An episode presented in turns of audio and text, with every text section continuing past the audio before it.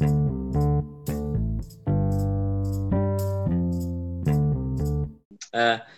Assalamualaikum warahmatullahi wabarakatuh. Kembali lagi bersama kami dari manajemen reguler AFB USU. Uh, di sini topik yang kita bahas itu uh, tentang buku digital bisnis dari Bapak Syafrizal Helmi Situmorang. Uh, mungkin lebih detailnya kami membahas pada bab 6, yaitu Saving Big Blue, uh, pelajaran dari IBM. Nah, sebelumnya uh, perkenalkan diri dulu dari kami supaya enaklah kita diskusinya atau cerita-ceritanya di sini. Oke, uh, pertama, uh, sebelumnya nama saya Satria Wicaksono, lalu teman saya. Ya, perkenalkan nama saya Afrika Belasito. Perkenalkan nama saya Muhammad Farhan Palepi. Halo, perkenalkan nama saya Sucini Suatu Saliha. Halo semuanya, nama saya Adelia Algata Sembiring. Oke, kita langsung masuk aja kali ke bab 6 dari buku digital bisnis karangan Pak Safrijal Helmi Sitomorang. Uh, di sini kan kita membahas Saving Big Blue atau pelajaran dari IBM. Uh, sebelumnya kita langkah baiknya kenalan dulu lah sama IBM ini kan. Siapa sih yang tak kenal IBM itu? Uh, dari teman-teman mungkin ada yang mau memberikan uh, insight-nya tentang IBM gitu? Apa yang kalian ketahui dari IBM gitu? Um, kalau menurut aku nih ya, aku taunya cuman uh, kepanjangannya nih, International Business Machine Corporation. Nah ini kalau nggak salah ini itu dia perusahaan Amerika Serikat dan menjual perangkat keras dan perangkat lunak komputer. Mungkin teman-teman yang lain ada yang tahu nih tentang IBM lebih dalam? Bisa bisa dong dikasih tahu. Bisa dong dikasih tahu teman-teman. Ayo siapa? Ya mungkin mungkin dari aku ini ya. IBM ini dia kerap disapa sebagai Big Blue. IBM ini dia menjadi pelopor sekaligus inovator utama deh perangkat komputer. Sejak abad 20 karena IBM ini memproduksi semua komponen mulai dari mainframe hingga komputer pribadi. Warna biru sendiri atau blue sendiri diambil dari warna logonya pada saat pertama kali dibentuk. Ya, kemudian jika ada tambah lagi dari teman-teman sekalian. Uh, mungkin aku lah sedikit. Uh, jujur aku tentang IBM ini karena baca-baca artikel gitu kemarin-kemarin itu di masih kan kita kalau bisa dibilang orang milenial lah ya. Jadi produk-produk IBM yang aku tahu itu dulu dia memproduksi ada gitu anak anak perusahaannya itu Power Microprocessor itu dia uh, memproduksi konsol gaming system gitu yang kemarin itu ada di Xbox 3600, PS3 sama Nintendo Wii U itu sih aku tahunya pertama IBM itu. Uh, kalau dari aku sendiri, aku kenal IBM itu uh, waktu pelajaran statistik ya, ada dikasih SPSS. Di situ tuh aku baru tahu kalau ternyata IBM tuh perusahaan yang meluncurkan software SPSS. Iya sih. Apalagi kita kuliah kan nggak lepas dari SPSS ya kan? Nah iya benar. Apalagi kan nanti kuliah juga kan ada uji-uji data itu kan. Jadi gitu deh.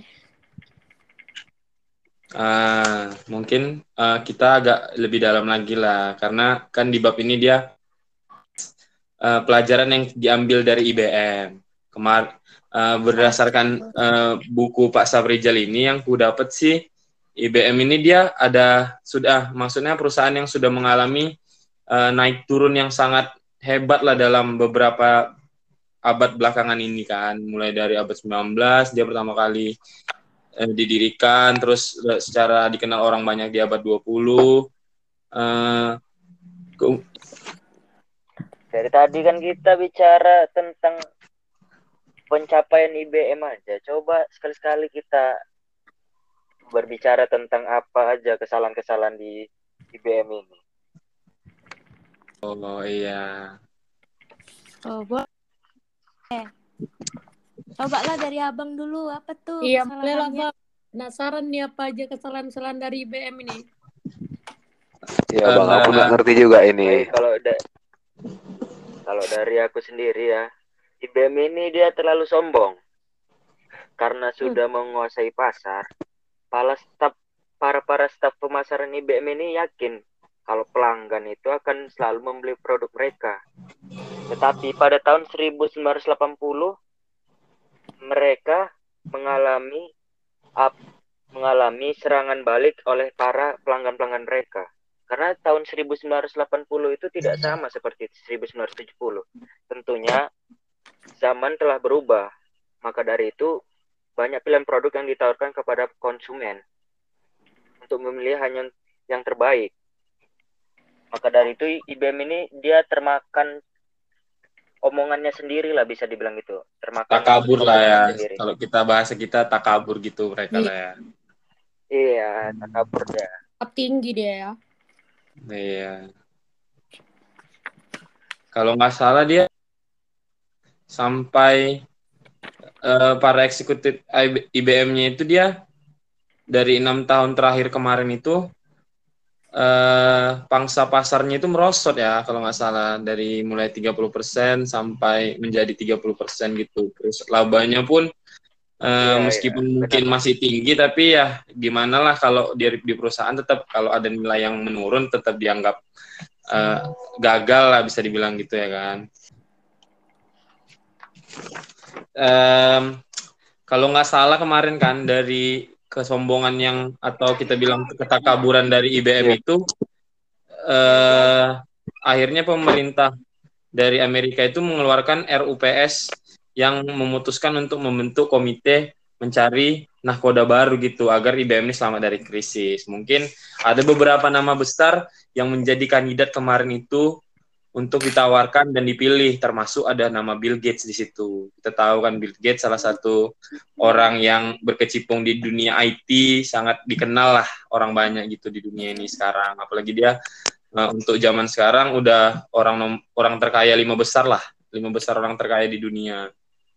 Tapi kebanyakan dari mereka itu nggak mau ngambil resiko karena uh, memegang perusahaan yang hampir jatuh ini kan butuh istilahnya mental dan modal lah kalau kita bilang kan. Mental yang kuat modalnya juga pasti untuk menutup-nutupi atau mer membangun ulang merebuild gitu kan. Pasti banyak kena dananya gitu. Jadi orang pun agak-agak nggak berani juga pada saat itu ngambil alih IBM ini. Gitu sih. Tapi ya uh, akhirnya itulah pilihannya jatuh kepada Low Gerstner gitu kan lulusan MBA Harvard dia mm-hmm. hmm, terus dia juga mantan diri, direktur dari McKinsey kan termuda konsultan terkemuka di New York gitu jadi dialah yang ngambil alih IBM terakhirnya untuk menyelamatkan IBM ini Ya, betul. Terus pun si Gersner ini pun uh, yang saya baca nih ya, Bang, dia ada mengubah budaya organisasinya ini nih. Hmm. Jadi beberapa si IBM ini dirubah sama si Gersner. Nah, itu salah satunya nih ya, Bang. Kalau misalkan dulu nih um, IBM itu sangat mementingkan visi visi yang strategis. Nah, tapi sekarang itu dia tuh uh, udah enggak memikirkan itu lagi. Jadi dia uh, lebih ke memperkuat rencana jangka pendeknya uh, dengan cara mempelajari gimana sih perusahaan hmm. itu berfungsi uh, supaya uh, memperhitungkan visi visi strategisnya itu. Nah jadi tuh jadi um, visi strategisnya itu diperhitungkan supaya pasarnya itu bisa dikendalikan gitu. Nah, jadi tadi itu Kak Suci udah bahas tentang si Gertner nih uh, mengubah budaya perusahaannya. Jadi ini ada juga yang aku baca ya, Lo Gertner ini ada sempat menetapkan empat sasaran yang direncanakan biar bisa dicapai sama IBM. Yang pertama itu melakukan perampingan untuk efisiensi, lalu yang kedua mengembangkan suatu strategi yang akan memperjelas fokus perusahaan, yang ketiga desentralisasi pengambilan keputusan, dan yang keempat lebih memperhatikan para pelanggan IBM. Jadi dia sempat menuliskan memo tuh tanggal 27 Juli tahun 1993 bahwa perampingan tersebut direncanakan untuk membuat IBM lebih menguntungkan. Serta dia punya tujuan yaitu menjadikan IBM sebagai perusahaan paling sukses di dunia. Karena hal itu pernah terjadi dan akan terjadi lagi. Gitu tuh Bang. Ya, berarti dia kayak ngelihat uh, peluangnya lah bahwa IBM ini bakal masih bisa hidup ya kan.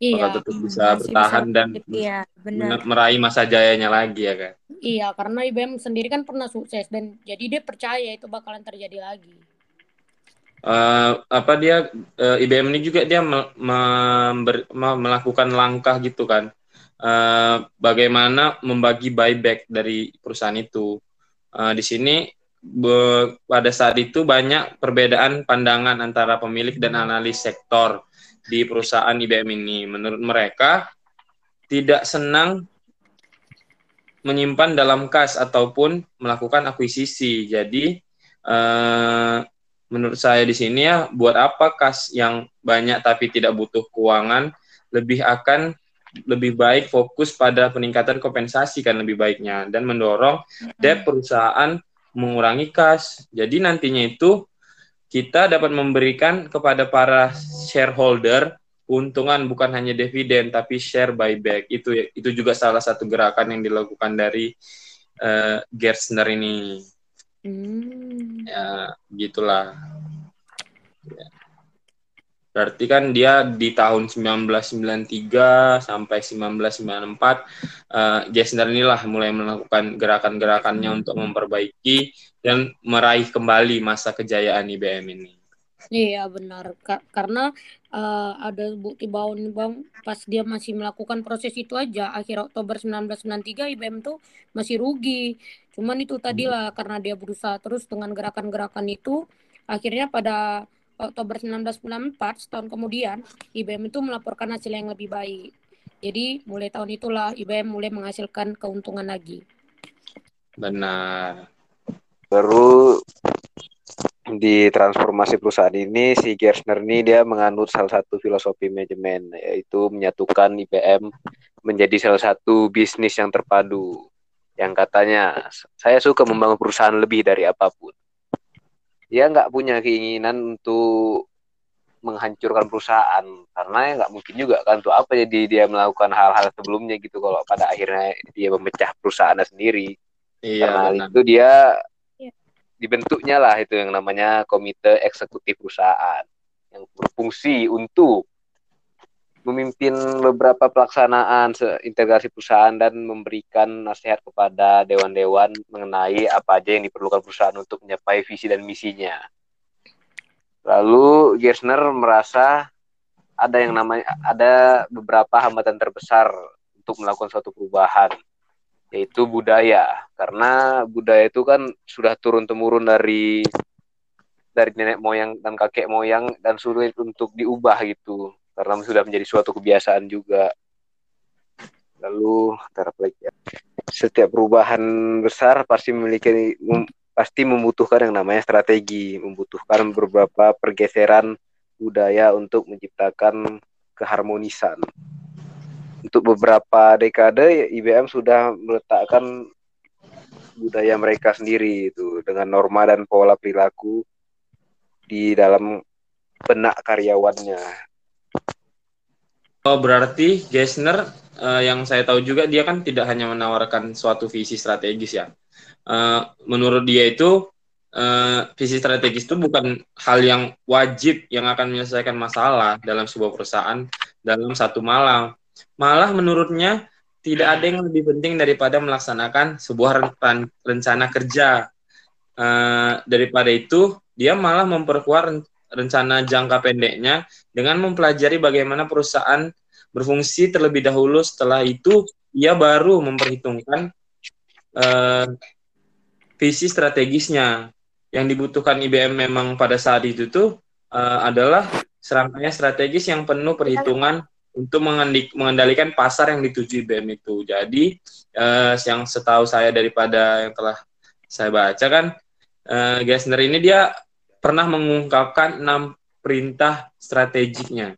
Yang pertama itu ada eksploitas teknologi daripada IBM, meningkatkan saham IBM dalam pasar server, membangun kepemimpinan dalam dunia network centric, lalu menyusun kembali cara IBM menyampaikan nilai kepada para pelanggan, dan dengan cepat memperluas posisinya di pasar geografis untuk mendapatkan kunci yang sedang muncul pada saat itu, dan yang terakhir, dia memperbaiki tolak ukur dan skala untuk meraih keuntungan biaya dalam pasar. Jadi ya, ini beberapa langkah berani yang diperintahkan oleh si Gessner inilah untuk memperbaiki atau planningnya untuk dapat kembali meraih kejayaan ini. Terus uh, juga setahu saya kan pada masa awal jabatan itu si Gessner ini ada sekitar 40 manajer yang meragukan bahwa perlunya perubahan radikal. Namun Gester ini dengan uh, dengan acuh dia optimis bahwa 40% tersebut dengan mengajukan pilihan bagi mereka untuk mengundurkan diri atau bergabung dengan program tersebut. Jadi dia tuh kayak yang 40% orang yang ngeraguin dia tuh dikasihnya pilihan gitu. Kalau kalau percaya sama aku ikuti, kalau enggak ya gimana? Langkah baiknya mundur aja gitu langsung. Itu sih dia. Mungkin Gesner nih ya salah satu orang yang punya eh, apa namanya? ideologi dan pemikiran yang keras ya karena ya gimana dia diberi kepercayaan untuk menanggulangi uh, bencana yang terjadi di IBM ini ya dengan susah payah dia pasti telah memikirkan beberapa aspek faktor faktor-faktornya yang harusnya uh, anggota-anggotanya itu mendukung sih karena kalau menurut aku sih beberapa strategiknya yang dari enam itu pada saat itu hal-hal yang dilakukannya itu rasional sih memang jadi dibutuhkan gitu saya baca juga benar itu 40% manajer itu berhenti karena terbukti pas awal dia masuk bergabung dengan perusahaan itu kan ada 24 manajer. Uh, tapi pas uh, pas tahun 1995 itu tinggal 9 orang lagi yang bertahan. Uh, dan banyak juga yang beranggapan bahwa gaya manajemen Gersner ini kasar. Kesannya otokrasi seperti diktator lah. Meskipun dia yeah. perilaku lembut dan lebih mirip akademisi daripada seorang eksekutif komputer tingkat tinggi, tapi itu tadi kayak yang dibilang Bang Satrio tadi dia punya ide ideologi dan pemikirannya sendiri. Benar. Ah, mungkin yang bisa kita bahas untuk terakhir ini kan eh, cara Gersner ini berarti dia kan lebih kepada komunikasi karena komunikasi ini kan merupakan inti dari kepemimpinan Nah, iya. jadi gimana lah tanggapan dari kalian gitu, saudara Afik, mana tahu ada masukannya tentang komunikasi ini kan. Soalnya di zaman sekarang pun kan komunikasi ini sangat penting gitu. Memang poin utama lah dalam memimpin sebuah perusahaan gitu. Komunikasi ya, itu kan hmm? suatu inti lah dari pimpinan. Jadi tanpa adanya komunikasi ini ya. kan agak-agak susah lah nih perusahaan mau jalan. Nah. Jadi kayak mana lah kalau nggak ada komunikasi, kalau ngomong-ngomong, eh ngomong-ngomong, kalau diem-diem aja kan, ya nggak jalan lah jadinya perusahaan itu. Karena komunikasi itu juga nggak bisa asal-asalan dijalankan, harus dengan efisien dan efektif. Tahulah apa yang dikomunikasikan, intinya ngerti dan tidak bertele-tele gitu. Jadi untuk memenangkan pasar dan menjamin adanya dukungan, Gersner sangat mengerti dengan citranya sendiri gitu. IBM udah dikenal luas, tidak seperti sebelum-sebelumnya. Gessner ini dia ambisius juga, terlibat dalam sejarah. Nah, karena dia kan yang membentuk IBM. Dia sadar bahwa telah memasuki namanya tahap pengembangan IBM. Di sini dia selain mengembangkan juga harus bisa mempertahankan untuk beberapa tahun ke depan gitu. Gessner akhirnya mempunyai target atas pengembangan IBM dia mengatakan kita berfokus untuk mengembangkan nilai shareholder. Kita menjadi model yang bukan seperti meteor. Beberapa perusahaan teknologi yang berkembang cepat digambarkan seperti meteor, kata dia. Karena pada akhirnya meteor itu akan menghantam dengan keras gitu. Lalu Hai. dia berhasil lah. Ya gitulah kira-kira bang. Walaupun kurang ngerti juga. Agak apa nih orangnya bang? Melankolis. baru si Jesner ini udah berhasil lah gitu kan eh, mengembangkan IPM menjalankan IBM sebagaimana semestinya gitu udah fokus lah IBM dengan tujuannya IBM udah apa ya kayak sangat-sangat inilah bertahan di pasar sendiri gitu tanpa harus mengubah tujuannya yang di awal. Dan gimana cari bilangnya ya? Kayak tanpa tanpa harus berubah karena keadaan gitu. Jadi tetap dengan visi dan misinya yang awal. Kemudian apalagi ya? Mungkin dari saudara api gitu. Ya mungkin dari aku nih bang kalau bicara Iya. tentang komunikasi ini ini sebetulnya inti dari semuanya kenapa karena tanpa ada komunikasi semuanya berantakan ini kayak hidup abang ya bang saya kebetulan Gak salah. baik-baik saja. Ya, komunikasi ini penting karena dialah otak dari jalannya perusahaan. Tanpa ada komunikasi ini, tentu informasi pun yang masuk berkurang ataupun tidak lengkap. Bisa dikarenakan dari miskomunikasi itu sendiri. Dan saya lihat dari sejarah IBM ini, Bang. IBM Ya. ini dia berusaha meningkatkan semangat kerja karyawannya dengan membuat klub olahraga bagi para karyawan dan juga menyelenggarakan jalan-jalan bersama. Dan juga saya lihat mereka sempat mendirikan band perusahaan. Wah, saya pun mau bekerja di IBM ini, Bang, kalau ada Iya, jadi betah ya kan? peluang. Aku juga Iya, mau, Bang. bang. Maka dari itu, Udah, komunikasi aku itu juga- aku- penting aku dan juga lah, Bang. dari semuanya, Bang. Iya sih. Mungkin memang itulah yang eh, udah direncanakan dari si Gesner ini untuk membuat karyawan-karyawannya itu mungkin nyaman gitu memberikan filosofi ini kepada perusahaan IBM ini. Tapi ya memang si Ges Gersner ini juga ngelihat eh, awalnya itu kenapa IBM itu bisa hancur ya karena dia pernah bilang kan orang-orang di IBM ini tidak idiot karena mereka itu cuman bergerak ke arah yang salah aja katanya. Jadi ya di sinilah tugas dia itu dengan mungkin sistem komunikasi atau penyampaian dia sebagai pemimpin yang bagus, dia membimbing mereka gitu kan supaya eh, kita ini bisa gitu memberikan jalan yang benar dan tujuan yang benar yang tidak melenceng dari IBM itu. Makanya dia berhasil lah kita bilang. ya itulah itu bang kalau kurang-kurang komunikasi nih ya bang agak payah deh benar dia. Iya. Terakhir kan dia itulah memutuskan bahwa komputer jaringan akan menjadi dari IBM gitu. Dia memberikan visi itu. Tapi sebenarnya iya itu tuh nggak bermaksud eh, melenceng daripada visi yang baru itu. Yang di dia awal telah lah, ya. memutuskan, iya dia telah memutuskan untuk membuat pembagian yang jelas terhadap SDM dan karyawan daripada IBM dalam jaringan internet dan e-commerce. Jadi dia percaya bahwa suatu industri komputer akan berubah lagi menuju ke dunia yang berpusat pada jaringan seperti sekarang kan sudah pasti yang kita alami di industri 4.0 ini udah mau masuk 5.0 ya inter- internet atau jaringan me- media-media apa namanya dunia maya lah kita bilang. Itu udah sebagai makanan sehari-hari lah. Peluang semua berada di situ ya kan?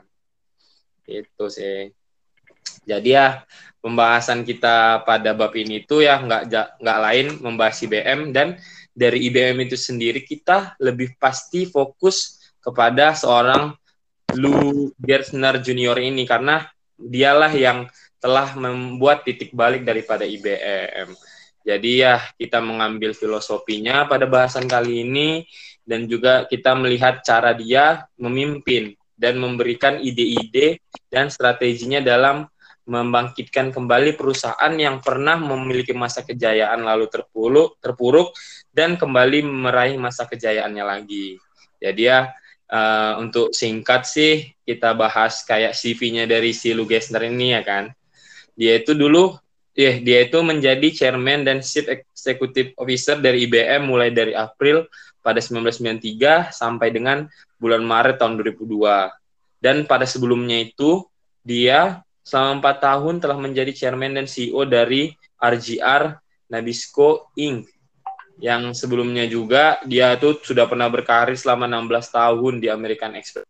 Ini mungkin ya pengalaman-pengalaman dia inilah yang telah memberikannya insight untuk dapat uh, men melihat peluang daripada perusahaan IBM ini. Nah, mungkin kita di sini dituntut untuk banyak belajar lah bagaimana dia menjadi seorang Lou Gessner ini. Mungkin ya kalau kita orang yang memimpin tidak diktator ya kita ambil pola pikirnya yang mengeluapkan strategi-strategi itu sih yang bisa kita ambil dari bab 6 pada buku Pak digital digital bisnis Pak Saprijal Helmi itu orang ini.